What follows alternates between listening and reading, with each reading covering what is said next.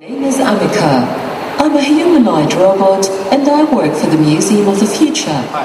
وسط إمارة دبي وعلى بعد بضعة كيلومترات يمكنك رؤية هذا المبنى الذي تجسد بروعة الخطوط العربية المنقوشة عليه وتشكل على هيئة عين إنسان ناظرة إلى المستقبل المتحف شيء مميز جدا جدا جدا علامة فارقة في المكان الديزاين الخارجي اللي هو لمني أنا بعدني ما دخلت بس بعدني المكان مميز.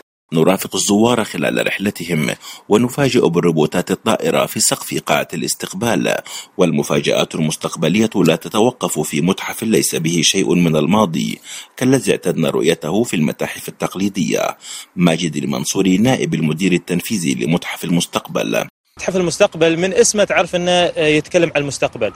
لكن ما في آثار من المستقبل ما في رسومات من المستقبل. صحيح. فالفكرة اللي بدت أصلا كمعرض في سنة 2014 جزء من فعالية القمة العالمية للحكومات وكان إنه يعرض تصورات لمستقبل الحكومات في ذاك الوقت. مكان أي زائر لدولة الإمارات ولإمارة دبي بحكم إن المتحف هذا راح يدخلهم في تجارب عن المستقبل. نستعد الآن للانطلاق عبر الزمن إلى عام 2071 وتحديدا إلى المحطة الفضائية المدارية أمل من خلال كبسولة فضائية ومؤثرات ضوئية وسمعية. حياك الله في محطة الأمل. إحنا حاليا 600 كيلومتر فوق الأرض أن هني نتكلم عن مشاريع الفضاء.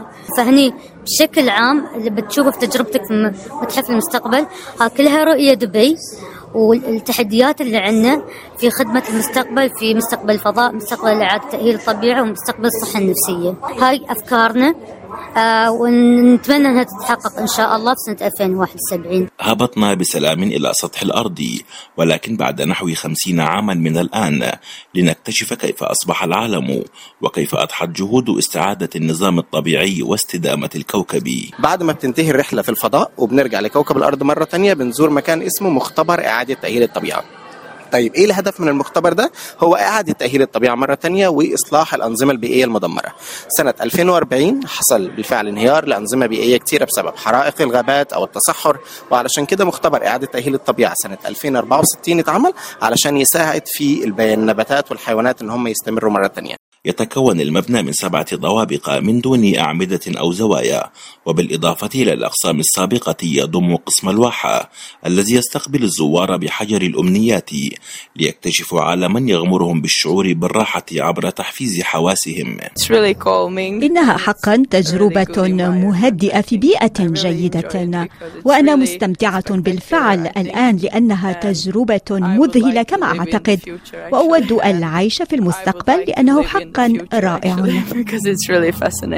أحمد سمير من إمارة دبي مونتي كارلو الدولية.